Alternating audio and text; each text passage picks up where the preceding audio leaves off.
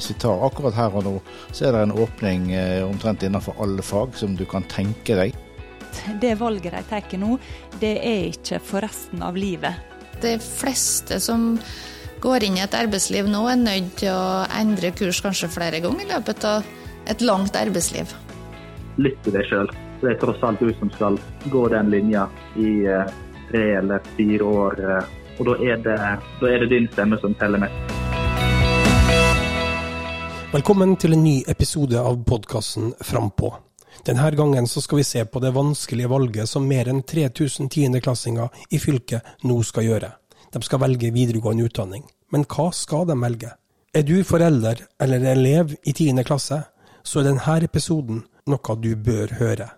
Vi starter med kompetansesjef Kariann Flovikholm og fylkesdirektør Stein Veland i Nav. Programledere er Ingvild Dverseth Sæther og Per Kristian Bratteng. Skal vi begynne med deg, Karian. Du har jo vært eh, ungdomsskoleelev en gang, du også. Hva, hva valgte du? Jeg valgte studieforberedende, og det var egentlig ganske opplagt eh, valg da, for det var ikke så mye å velge den gangen. Um, og så er det blitt full mye mer uh, muligheter nå, så valget var nok enklere da. Du, Stein?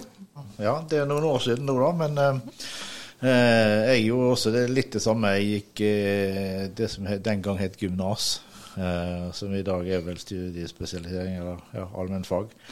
Eh, og det var jo også med tanke på at eh, jeg visste jo ikke helt hva jeg ville. Eh, men jeg var vel mer eh, eh, opptatt av eh, lesefag enn praktiske fag. Jeg har fått utdelt en del tommeltotter, så derfor så måtte jeg satse på hodet istedenfor. Men det går altså an å være det og komme seg fram i livet, sjøl om en har eh, ti tommeltotter. Ja, jeg, ja da, og det, det, jeg syns at det var kjempespennende. Og jeg har alltid vært opptatt av også eh, relasjoner til mennesker. eh, opptatt av folk. Um, og det gjorde jo sånn at jeg hadde lyst en stund å bli lærer. var det, det lurte jeg på en stund. Og så ville jeg bli psykolog. Og så, og så ble jeg til slutt sosionom. Eh, Det var det jeg tok som utdanning, og har jobbet innenfor sosialtjeneste og barnevernstjeneste. Og har nå etter hvert eh, endt opp i Nav, og nå er jeg på toppen av næringskjeden, iallfall i Nav i Møre og Romsdal. Hvorfor må elevene inn i videregående utdanning? Si litt om det, du som eh, jobber tett på det her. De må ikke. Det er kanskje viktig å si. Eh, Videregående er frivillig. Men det virker kanskje obligatorisk nå, og det har blitt mye viktigere enn det var før. Um, og det, det handler kanskje både om at nesten alle velger det eh, etter ungdomsskolen, men, eh, men også at eh, det å ha fullført videregående, det vet oss er en av de viktigste eh, faktorene for å rett og slett få en trygg og interessant jobb senere. eh, Og dermed en sikker inntekt å kunne leve av. Eh, Og vi vet at det påvirker igjen på en måte livskvaliteten i det store, altså helse og mange andre faktorer. Så det er kjempeviktig. Det er derfor fylkeskommunen også jobber for at vi skal få flest mulig inn i videregående opplæring. Ja, både inn i og, og ut av, skulle jeg si, på andre sida. Altså det å fullføre videregående eh, opplæring, det jobbes veldig mye med. Men er det noe alternativ, da, Stein? Kanskje du kan si noe om det? Ja, det er alltid alternativ, men jeg tror, litt som det ble sagt her, så er det de fleste anbefaler at du satser på å gjennomføre videregående, fordi at valgmulighetene blir større. Um, har du ikke håper si, de dokumentene på plass, så må du velge eh, på et litt snevrere felt. Og det, ja, skal du tenke litt egoistisk, så ta utdanning, er mitt, eh, mitt, eh, min anbefaling. Men hva er viktig når du skal velge, da? Oi, det er jo et eh, kjempedypt spørsmål. fordi at hva tenker du som er i ferd med å avslutte ungdomsskolen? Hva tenker foreldrene dine? Hva tenker vennene dine? Eh, du blir påvirket av alle de tingene. Eh, nei, men vi er, vi er jo som oftest lar vi oss påvirke. Eh, og jeg tror at det er veldig viktig at uh, iallfall foreldre og, og barna eh, snakker litt sånn sammen om hva som er lurt. Hva er dine interesser? Eh, er du en sånn som meg som ikke er så veldig praktisk, så bør du kanskje tenke litt mer teoretisk. Er du flink med hendene, liker å skru, liker å snekre, liker å tegne, eh, uttrykke deg med, med andre ting enn eh, skriftlige ting, så, så, så, er det også muligheter, og det er gode muligheter, tenker jeg. Det er liksom en vei for alle, sånn som jeg, jeg opplever det i dag. Men hvem er det sitt valg da, egentlig, Kariann? Det, det er helt klart eleven sitt valg. Det er kjempeviktig å huske på. Men, eh, men det kan oppleves som et fulle sånn eh, stort og skummelt valg når en er 15-16 år og tenker at uh, nå skal jeg bestemme meg for hva jeg skal være resten av mitt liv. Uh, så jeg tenker at de trenger virkelig disse her gode støttespillerne som du snakka om, Stein, med, med, folk som kjenner dem godt. Enten det er foreldre, uh, annen familie, at det er Eh, ja, skole, eh, kan være sånne viktige personer. For fordi at jeg tror ofte de blir litt stressa på at uh, dette her er et umulig valg. Jeg veit ikke hva jeg kan velge. Og igjen, som jeg sa i stad, det, det, er mange flere valgmuligheter nå enn det noen gang har vært. Um, så, så, det å på en måte roe dem litt ned på at det valget de tar nå, det er ikke for resten av livet. Det er på en måte bare det første skrittet, eh, og det er ikke avgjørende for hva du skal holde på med resten av livet. Eh, litt eh, altså, tilbake til det du spurte om i stad. Eh, det eneste jeg visste når jeg begynte på videregående, det var at jeg ikke skulle bli lærer. Det ble jeg. så, så, ting skjer underveis, både mens du går på videregående og ikke minst etterpå, som gjør at du du på en måte tar disse her skrittene etter hvert. Og nå snakker vi mye om at vi må lære hele livet framover. Eh, så, så, dette her valget er ikke endelig. Og det er viktig å roe ned ungdommene litt på, og hjelpe dem også rundt der. Men når jeg er en tiendeklassing og skal velge, hva bør jeg kjenne etter på? Hva er det som, er, hva er det som skal bestemme eh, hva jeg skal bestemme? Jeg tror du først og fremst skal kjenne etter lite på hva du er interessert i. Hva du liker å holde på med. Eh, hva du trives med. Um, da kan en f.eks. tenke hva fag er det jeg syns er kjekkest på skolen nå? Uh, hva er det jeg liker å holde på med i fritida? Litt sånn som Stein sier, er det de praktiske tinga eller er det de teoretiske tinga jeg, jeg syns er kjekkest, og som jeg føler jeg mestrer? Så, så, det å og så kanskje det med altså Tenker jeg å studere videre, eller tenk, vil jeg fortest mulig ut i jobb, f.eks. Kan også være en sånn uh, Noen gode spørsmål også for de rundt da, å stille til ungdommene. Um, men som sagt, ikke tenke altfor langt fram, men tenke litt mer her og nå. Tror jeg kan hjelpe litt på å ta disse valgene. Her og nå, sier jo Kariann Stein. Hva tenker du om det? Ja, jeg syns det er et godt utgangspunkt. og hvis vi tenker her og nå, så er det jo også sånn at eh, arbeidslivet i dag hvis vi tar akkurat her og nå, så er det en åpning eh, omtrent innenfor alle fag som du kan tenke deg. Eh, det er stor etterspørsel etter arbeidskraft i dag, og så vidt vi kan se, så vil det bli kanskje enda større etterspørsel etter arbeidskraft i tiden som kommer. Og stikkordet der er jo både hender og kompetanse. Så um, for de som skal ta valg, så tenker jeg akkurat som det ble sagt her fra Kariann, at det er ikke noe sånn endelig. Eh, ta utdanning, og så går det an å gjøre justeringer eh, etter hvert. Eh, hvis du velger å ikke ta utdanning, så kan du hoppe på etter en stund og ta utdanning. Eh, for det et løp er ikke kjørt. Og som det ble sagt her, så, så er det snakk om å prøve å lære å utvikle seg faktisk i hele det voksne livet.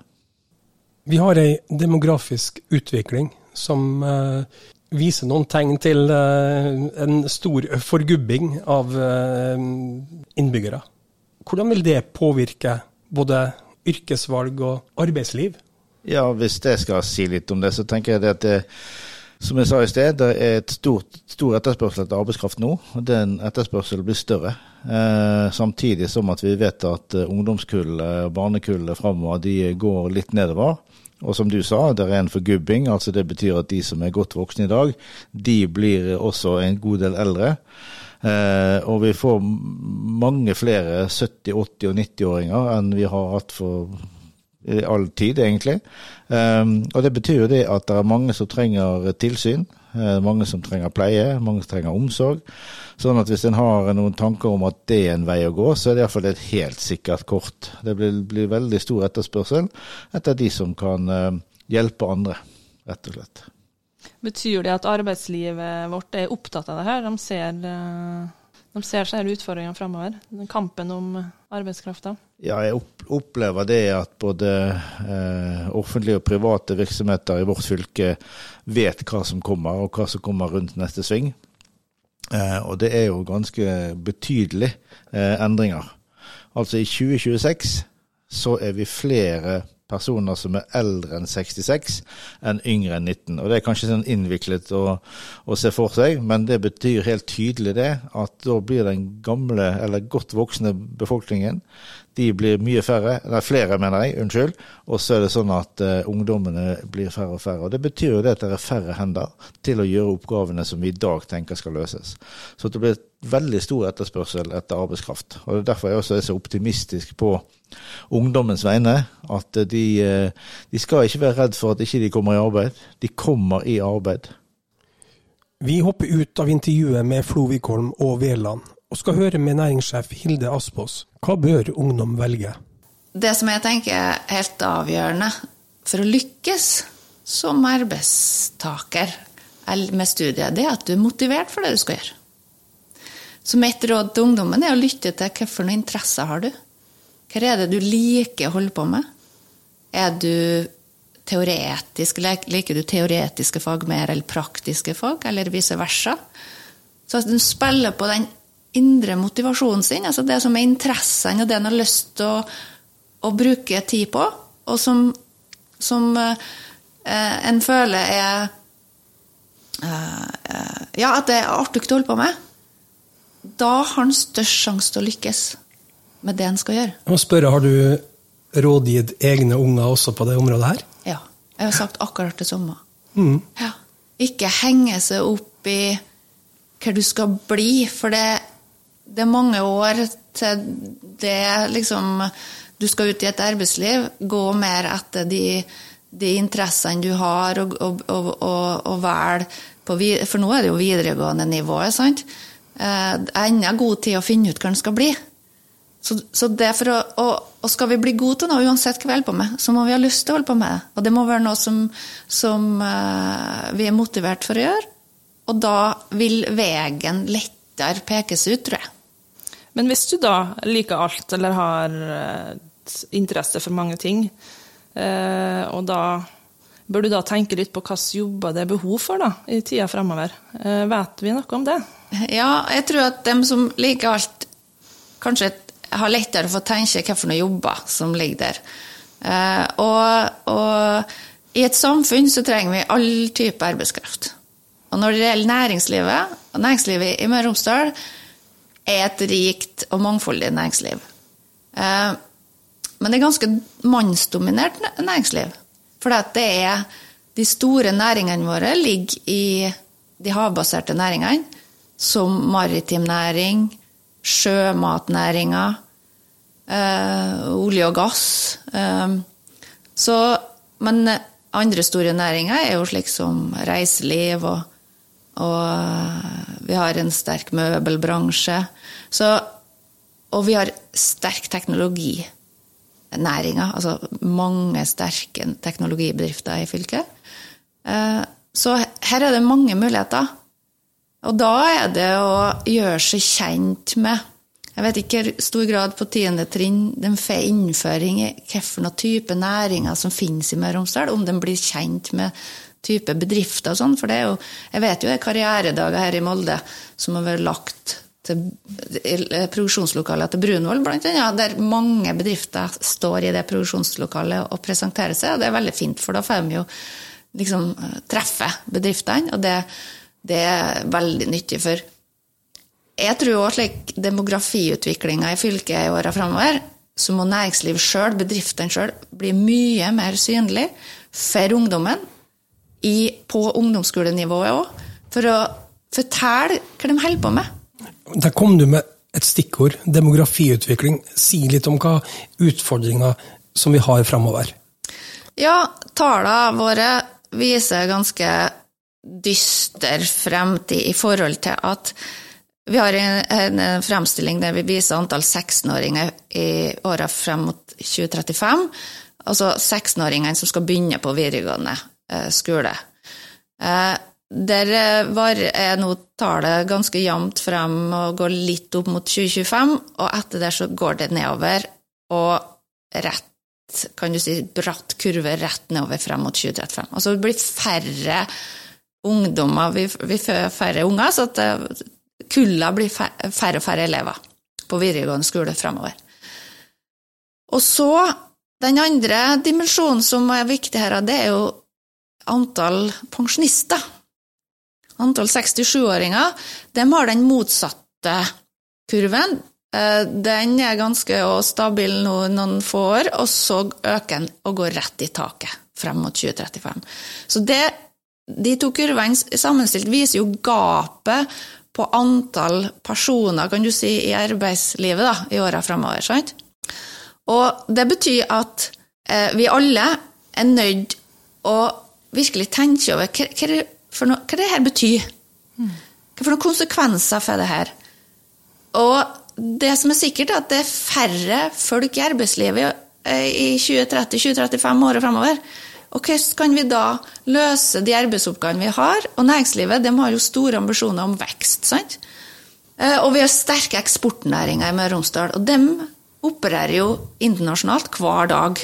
Og de er en knallhard verdenskonkurranse, verdensmesterskap hver dag. Og de trenger dyktige, flinke folk. Men det er nettopp fremtida der da, som alle nå er nødt å rigge seg for. Hvordan skal du løse oppgavene dine på andre måter? Med bruk av færre, færre folk. Det er vi nødt til. Men blir det andre typer jobber som følge av den demografiske utviklinga? Ja. Det vil tvinge seg frem at du må løse oppgaver bl.a. med bruk av teknologi. Og næringslivet, i næringslivet er jo det veldig eh, relevant, selvsagt, og i offentlig sektor. Men teknologi er en del av løsninga. Og det betyr at det fører til andre typer jobber. Med annen type kompetanse du må ha. Så det er, skjer så mye i åra framover, slik at en tiendeklassing i dag, den kunnskapen vi har i dag den, om muligheter, den vil endre seg. Så det er derfor jeg sier at gå etter det en er interessert i, og finne veien underveis. For at vi vet ikke i dag hvilke jobber den tiendeklassingen kan få tilbud om når en er ferdig med utdanning. Er næringslivet sjøl opptatt av de spørsmålene her? Næringslivet sjøl er opptatt av kompetanse. Eh, men jeg tror verken næringslivet eller offentlig sektor helt har tatt inn over seg demografiutviklinga. Og den, det er jo de store endringene skjer jo nå mot 2030-2035, og det er kort tid det, sant? for å rigge om og omstille seg. Så, så ennå så opplever jeg nok at mange mener vi skal løse det her med flere folk. Vi må få flere folk til Møre og Romsdal, og ja, det trenger vi. Ikke sant? Men vi kjemper da om samme kandidater med alle andre regioner i, i Norge og hele Europa i samme situasjon. Så, så, vi løser ikke bare med å tro at vi skal bli mer attraktive. Så vi trenger ikke vite hva vi vil bli? Altså, En tiendeklassing trenger egentlig ikke Nei. For det vet du ikke når jeg, du blir 40 Jeg mener altfor tidlig å stille sånne spørsmål til en tiendeklassing. Mm. Det er kanskje for tidlig å stille og på videregående for mange. Det er derfor jeg sier gå etter det du er interessert og talent for, for da lykkes du med det du gjør, og da åpnes det stadig nye muligheter hele tida. Og grip det du er mest interessert i, for da er du villig til å legge ned den innsatsen som skal til for å mestre oppgaven. Så det her valget som elevene skal ta 1. mars, det er ikke så viktig, fordi at du kan ta nye valg senere? ja, og det, og det tror jeg er viktig å formidle, at det er ikke farlig om du bommer. For du kan endre kurs. Du kan endre kurs i løpet av de Du trenger ikke å fullføre treårig videregående skole hvis du føler allerede første året at du er på feil. Du kan endre underveis. Ja, Har jeg oppfatta det rett? Ikke bare at vi kan endre kurs, men vi kommer sannsynligvis til å gjøre det ja. fordi at verden er i så stor utvikling? Ja, det er det. Så, så jeg tror at de fleste som går inn i et arbeidsliv nå, er nødt til å endre kurs kanskje flere ganger i løpet av et langt arbeidsliv. Mm. Men så er det den foreldregenerasjonen da, som kanskje er vant til å Vi har jo med arv fra besteforeldrene våre der du, du, fikk Du begynte et yrke du kanskje var, før du var 20 år og hadde det, til du Og holdt deg til det. Nå er det jo Nå er det. Nå er det ikke slik. Nei, og det vil i hvert fall ikke bli det fremover. Så til alle foreldre så har jeg samme budskapet. Lett ungdommen få være den er interessert i, for det handler om mestring og det å føle å lykkes. Det hindrer utenforskap senere. Det var Hilde Aspås. Nå skal vi tilbake til intervjuet med Flovikholm og Veland. Hvordan preger det dere på eh, kompetanseavdelinga i fylkeskommunen denne demografiske utviklinga som vi nå har? Jo, Det er akkurat det vi ser, at den største utfordringa vår er at vi har ikke nok unge til å dekke på en måte behovet som eh, arbeids- og næringslivet har framover. Eh, Så det er også en konkurranse om hva er det vi skal prioritere av videregående utdanning i fylket vårt, og hvor skal de utdanningene ligge. Um, og det er noe vi merker veldig godt, altså denne her, um, dette presset da, fra arbeidslivet om at oss trenger flere. Uh, ja, men oss har ikke nok 16-åringer til det, så vi må gjøre noen prioriteringer eh, framover. Um, men igjen, eh, det er bare til fordel for eh, 16-åringene, for å si det sånn, for da de har alle valgmuligheter. Men akkurat det her med valgmulighetene, da, som er så mange, det er så mye.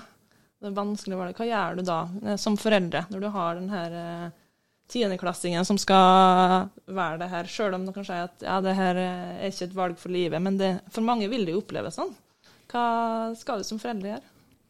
Jeg tenker at det viktigste er nettopp å være denne her støttespilleren. Og kanskje først og fremst hjelpe ungdommene sjøl til å se hva er styrkene deres. For som 15-16-åring så er ikke det så lett å se sjøl, eh, kanskje. Og de er veldig kritiske til seg sjøl også. Tenker at de er ikke flinke nok til noe som helst.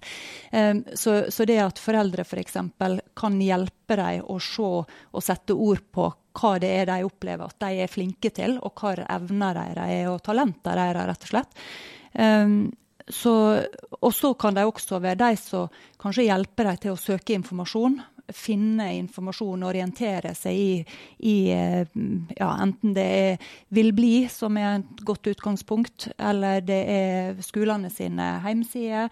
Eh, altså søke informasjon. Um, og så tenker jeg at som foreldre så er det kanskje viktigere å stille noen gode spørsmål enn å gi så mange sånn råd. Uh, da. Og igjen, hjelpe dem til å få ned litt stressnivået på det med hvor, hvor viktig dette valget er, da. Ja, det å få ned skuldrene hos uh, ungdommen er én ting, men hva er det andre ting som foreldre skal passe seg for nå i den tida fram mot, mot det her avgjørende, eller det valget som skal tas nå 1.3? Ja, nei, jeg tror nok de fleste foreldre er nok klar over at du skal ikke nå pushe ungene dine inn i noe der du på en måte realiserer deg sjøl, altså de valgene du skulle ønske du sjøl tok da. Jeg tenker at det er dagens foreldre veldig flinke til å passe på at de ikke gjør det. Men jeg tror kanskje at ungdommene av og til plukker opp noen sånn eh, forventninger som kanskje egentlig ikke ligger der engang. Um, med at de tenker at hvis foreldre har et visst utdanningsnivå, f.eks., at de da automatisk forventer at de skal ha det, selv om de kanskje sjøl har mer lyst på en mer praktisk uh, utdanning, f.eks.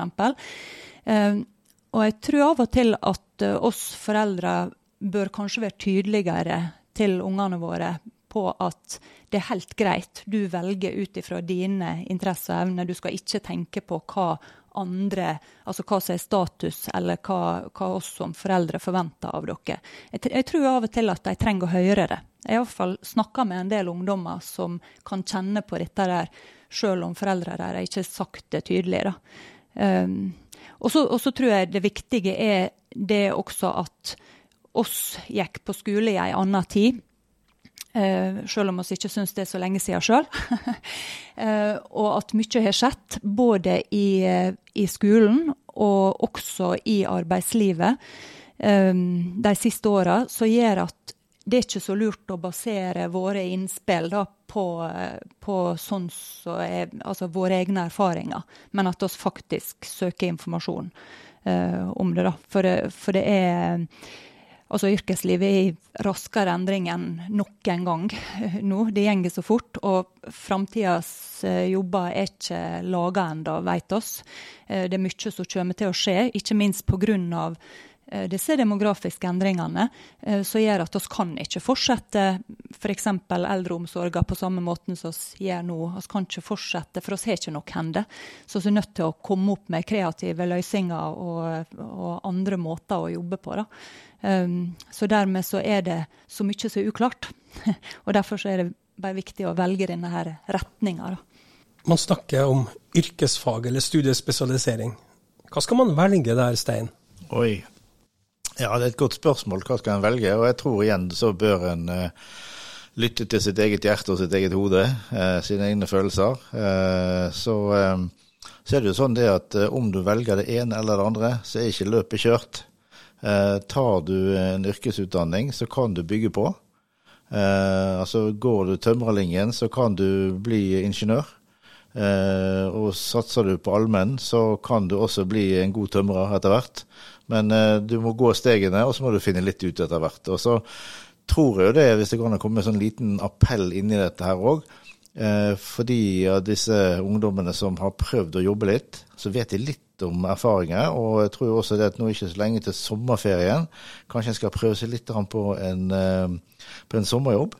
Eh, får en napp der, så vet en litt om at ja, dette var artig, eller en kan faktisk erfare at dette var ikke artig. Og Det kan jo også være med å påvirke hva slags eh, veier en bør velge etter hvert. Og så er det vel også sånn at etter første året på videregående, så har en også noen muligheter til å gjøre en del endringer. Sånn at som jeg har forstått det, så er ikke løpet verken låst eller kjørt om du velger det ene eller andre. Kariann, det må du også si noe om. Ja, Nei, jeg er helt enig i det. Altså, Om en uh, finner ut at en har valgt feil, så er det ingen katastrofe.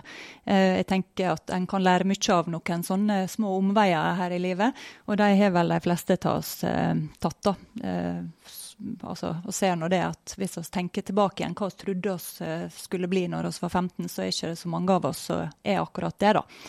Um, så, så, det går an å gjøre omvalg både i videregående og ikke minst etterpå. Uh, og så har en fått med seg læring som ikke er vekkasta uansett. Um, så, så, jeg tenker at uh, det, noen sånne omveier, det går helt fint. Men det er det som er kanskje det viktigste nå, da, at, har, eh, at vi har evnen til å lære nye ting. At vi ikke, at vi ikke tenker at vi er ferdig. Om du har tatt utdanning, så tenker du at nå er jeg ferdig, nå skal jeg ikke lære mer. Det, det er ikke sånn lenger.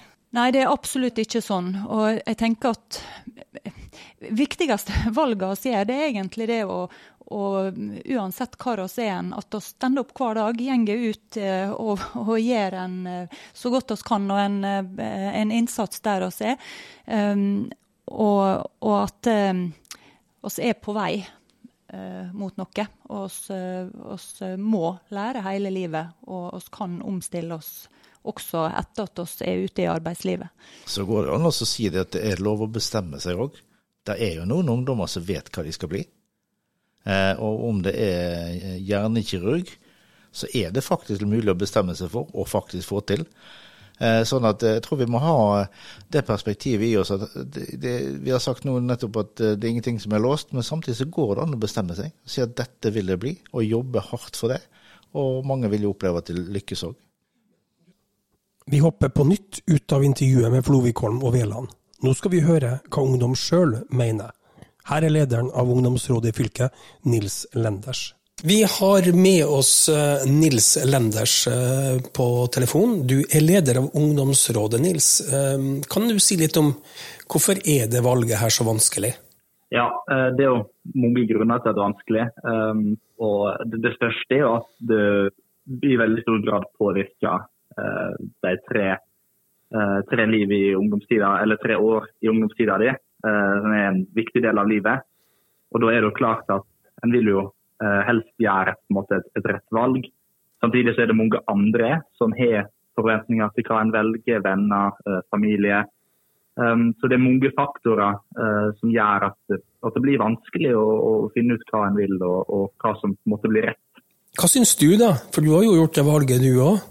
Sjøl tenker jeg at, er, at, ungdom er veldig heldig. At det, det, det, skal godt gjøres å velge feil. Og om en velger feil, så er det ingen krise. Da går det an å, å, å bytte. Så for min egen del så, så, så var det relativt lett å finne ut hva jeg ville bli. Men om det ikke er det, så er det heller ingen katastrofe. Da er det å, å velge med magen. Og også om det ikke er helt som jeg tenkte, så er det alltid mulig å bytte. Og som regel så blir det, eh, så er valget bra uansett. Mm. Men hva er det man tar hensyn til da, når man står fremme om det her valget? Det er ganske mange nå disse her dagene som skal trykke på send da, på den der videregående søknaden. Jeg tenker Det aller viktigste å ta hensyn til, det er, det er seg sjøl. Uh, og det er hva interesse en har, hva det er en liker å gjøre. Uh, hva en ikke liker å gjøre, er veldig viktig å ta hensyn til. Så Det aller viktigste er å høre på seg sjøl. Så er det selvfølgelig også klokt Eh, å ta råd fra mamma og pappa, eller å, eh, å prøve å eh, ta hensyn til avstand eller til, til sånne ting. Men det aller, aller viktigste det er hva en sjøl liker å gjøre, og hva en sjøl ikke liker å gjøre. Mm. Og det er den, den stemma som skal telle mest. Så de skal høre litt på mamma og pappa. Og er det andre de bør høre på? Altså, En kan gjerne uh, diskutere hva som virker gøy og ikke gøy um, med venner f.eks. Um, men de, uh, altså, en skal ikke velge for å komme inn med vennene sine. Det er også gull å snakke med rådgiver på skolen. De kan veldig mye om det, og det kan være en veldig god stemme å ha med inn i det. Du Nils, du sier at foreldrene er en viktig eh, samtalepartner eh, for ungdommene i den perioden eh, nå fram mot, mot valget. Men hva er det foreldrene ikke må gjøre?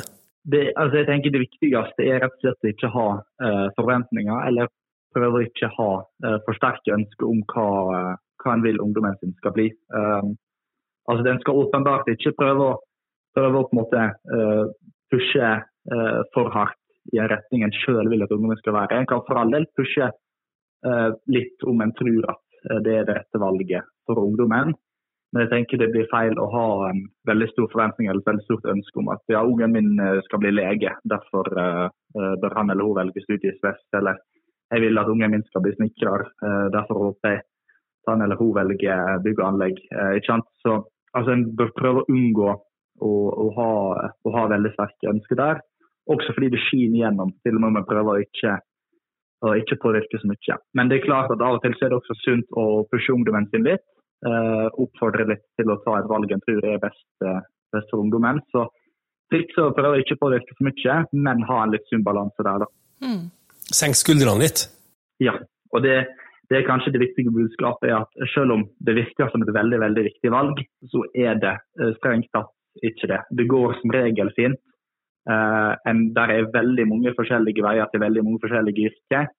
Uh, og, uh, og, sannsynligvis så blir de tre ungdomsåra bra uavhengig av hva linjen går, eller hva folk en havner i klasse med. Det valget her er ikke avgjørende for resten av livet? Det er det heldigvis ikke. Og det, det kan jo være betryggende å ha i bakhodet når en velger. Er dette noe dere ungdommer snakker om? Ja, Uh, altså, spesielt med tanke på, på, hospiteringsordningene, som er litt viktig for uh, dette valget, så er det noe som, uh, som er tatt opp i ungdomspanelet. Um, så der I ungdomspanelet så jobber vi litt med det, gir innspill til fylkeskommuner rundt dette med hospitering spesielt.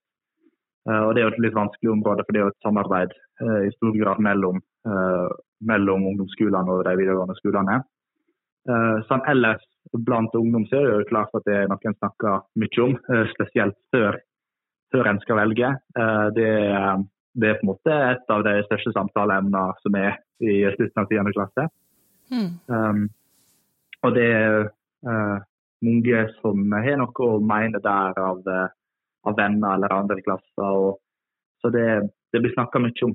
Men valget er ikke så farlig, det ditt budskap her nå?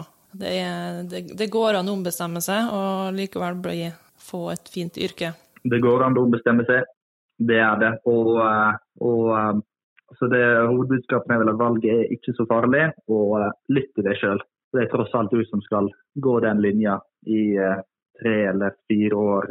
Og da er det, da er det din stemme som teller mest.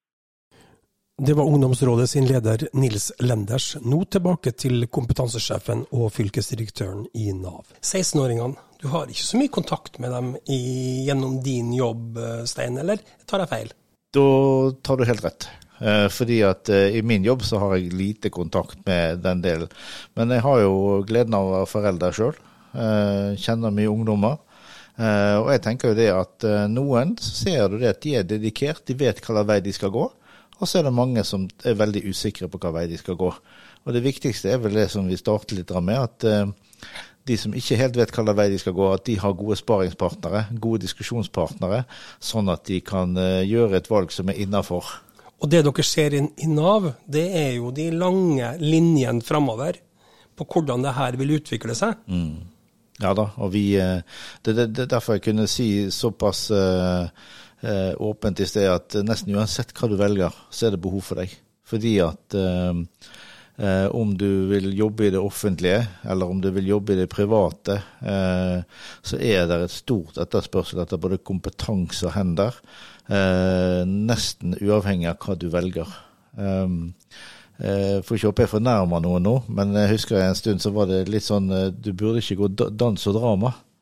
For det var ikke så mange stillinger du fikk der hvis du da satser på at du skulle inn i balletten eller sånne ting. Og det er helt sikkert det er det, men du får jo det samme grunnlaget, og du kan ta gode valg til videre studiespesialisering og utdanning etter du har gått også dans og drama.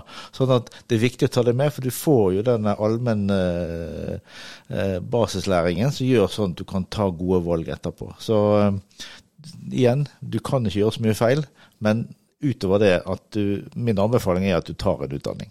Men er det da å føle litt interesse si, da? Altså hvis du, skal, du går inn i et yrke, om du, om du skifter jobb eller uh, endrer litt gjennom livet, så hjelper det jo på, da, kanskje gjennom mange år i yrkeslivet, at det, du har, driver med noe som du interesserer deg for. For det er helt klart at da er sjansen mye større for at du klarer å fullføre også. Så dette her med interessene det at du får holde på med noe som du liker og er interessert i, det gjør nå at motivasjonen for å fullføre også øker.